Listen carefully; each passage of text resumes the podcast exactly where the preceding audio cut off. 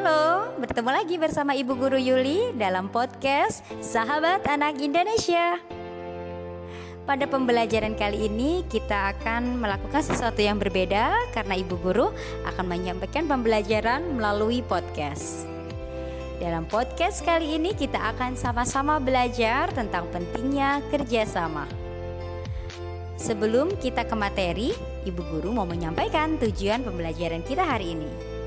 Nah, yang pertama, nanti anak-anak setelah mendengar podcast ini diharapkan anak-anak semua dapat memahami makna bersatu dalam keberagaman. Lalu, ibu guru juga berharap anak-anak bisa mempraktikkan bentuk-bentuk bersatu, bekerja sama, baik di rumah, di sekolah, maupun di masyarakat. Anak-anak hebat Allah Subhanahu wa Ta'ala menciptakan manusia dengan berbagai macam perbedaan, mulai dari perbedaan kemampuan, perbedaan agama, perbedaan hobi, perbedaan makanan kesukaan, dan masih banyak lagi perbedaan-perbedaan yang kita miliki tentunya. Nah, meskipun kita berbeda, kita sebagai manusia harus tetap bersatu dan tidak boleh terpecah belah. Bersatu dalam perbedaan atau dalam keberagaman bisa kita lakukan dalam berbagai kegiatan. Hmm, dengan cara apa ya kira-kira? Ya, dengan cara bekerja sama dengan teman-teman atau orang-orang di sekitar kita. Ada yang tahu? Apa sih kerjasama itu? Kerjasama adalah kegiatan yang dilakukan oleh dua orang atau lebih untuk mencapai tujuan yang sebelumnya telah disepakati bersama. Nah, ada yang tahu nggak kenapa sih manusia perlu bekerja sama? Ya, karena manusia merupakan makhluk sosial, yang artinya manusia tidak dapat hidup sendiri dan pasti membutuhkan bantuan orang lain untuk menjalani kehidupannya. Jadi bekerja sama bisa kita lakukan di mana pun ya teman-teman, anak-anak semuanya.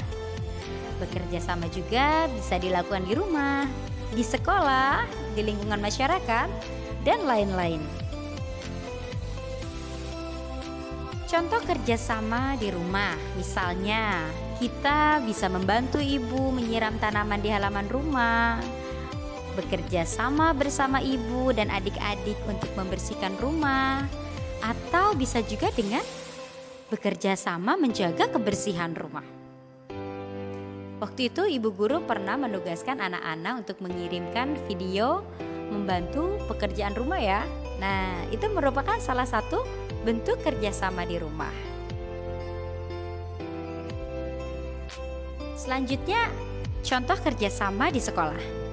Misalnya, bekerja sama untuk mengerjakan tugas kelompok, bekerja sama untuk melaksanakan piket kelas, atau bekerja bakti di lingkungan sekolah seperti menyiram tanaman, membuang sampah, dan masih banyak lagi.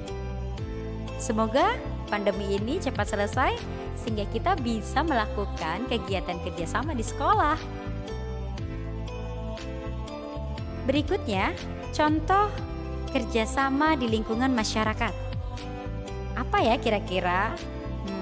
Ya, bekerja bakti untuk membersihkan lingkungan, seperti membersihkan jalan jembatan bersama masyarakat, bersama tetangga, atau bisa juga bekerja sama dan saling gotong royong untuk membangun balai desa, membangun masjid, membangun sekolah, membangun pos ronda, membuat lapangan, dan lain-lain.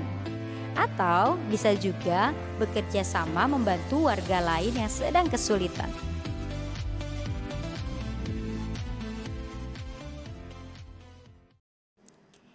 Anak-anak itu tadi contoh kerjasama di lingkungan rumah, di lingkungan sekolah, dan di lingkungan masyarakat. Coba anak-anak simak uh, cerita berikut ini. Lani sedang menangis kesakitan. Tangan Lani tertusuk duri bunga mawar. Apa yang seharusnya anak-anak lain lakukan terhadap Lani?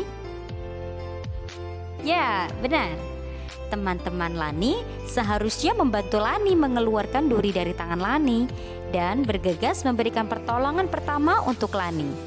Setelah itu, membantu mengantar Lani untuk pergi ke UKS.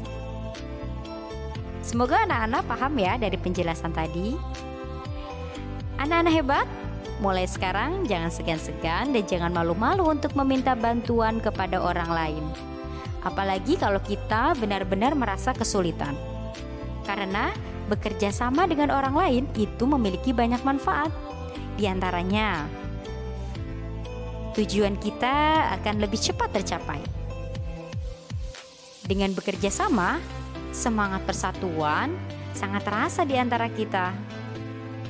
Kemudian, dengan bekerja sama, pekerjaan akan lebih mudah dikerjakan. Selain itu, pekerjaan juga akan lebih cepat selesai Terakhir, bekerja sama dapat melatih diri kita untuk lebih menghargai orang lain. Karena di sana terdapat kita bisa saling memahami satu persatu kawan-kawan kita.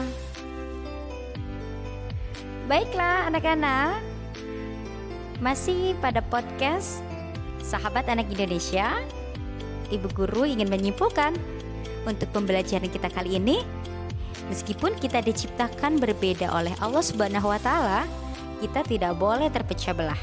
Kita harus tetap bersatu dan bekerja sama. Karena bekerja sama itu memiliki banyak sekali manfaat untuk kehidupan kita. Bekerja sama dapat dilakukan di mana pun ya, bisa di rumah, bisa di sekolah, bisa di masyarakat, dan di mana pun anak-anak berada. Mulai sekarang, Jangan segan-segan, jangan malu-malu untuk meminta bantuan orang lain jika kita merasa kesulitan. Anak-anak, semoga penjelasan ini bermanfaat. Tetap jaga kesehatan, tetap semangat belajar. Di mana pun kita bisa belajar, anak-anak bisa membaca buku-buku atau pengetahuan lain tentang kerjasama. Bisa mencari di Google, bisa membaca buku yang lainnya, atau anak-anak juga bisa langsung menemui ibu guru di sekolah. Sampai bertemu di podcast pembelajaran selanjutnya. Assalamualaikum.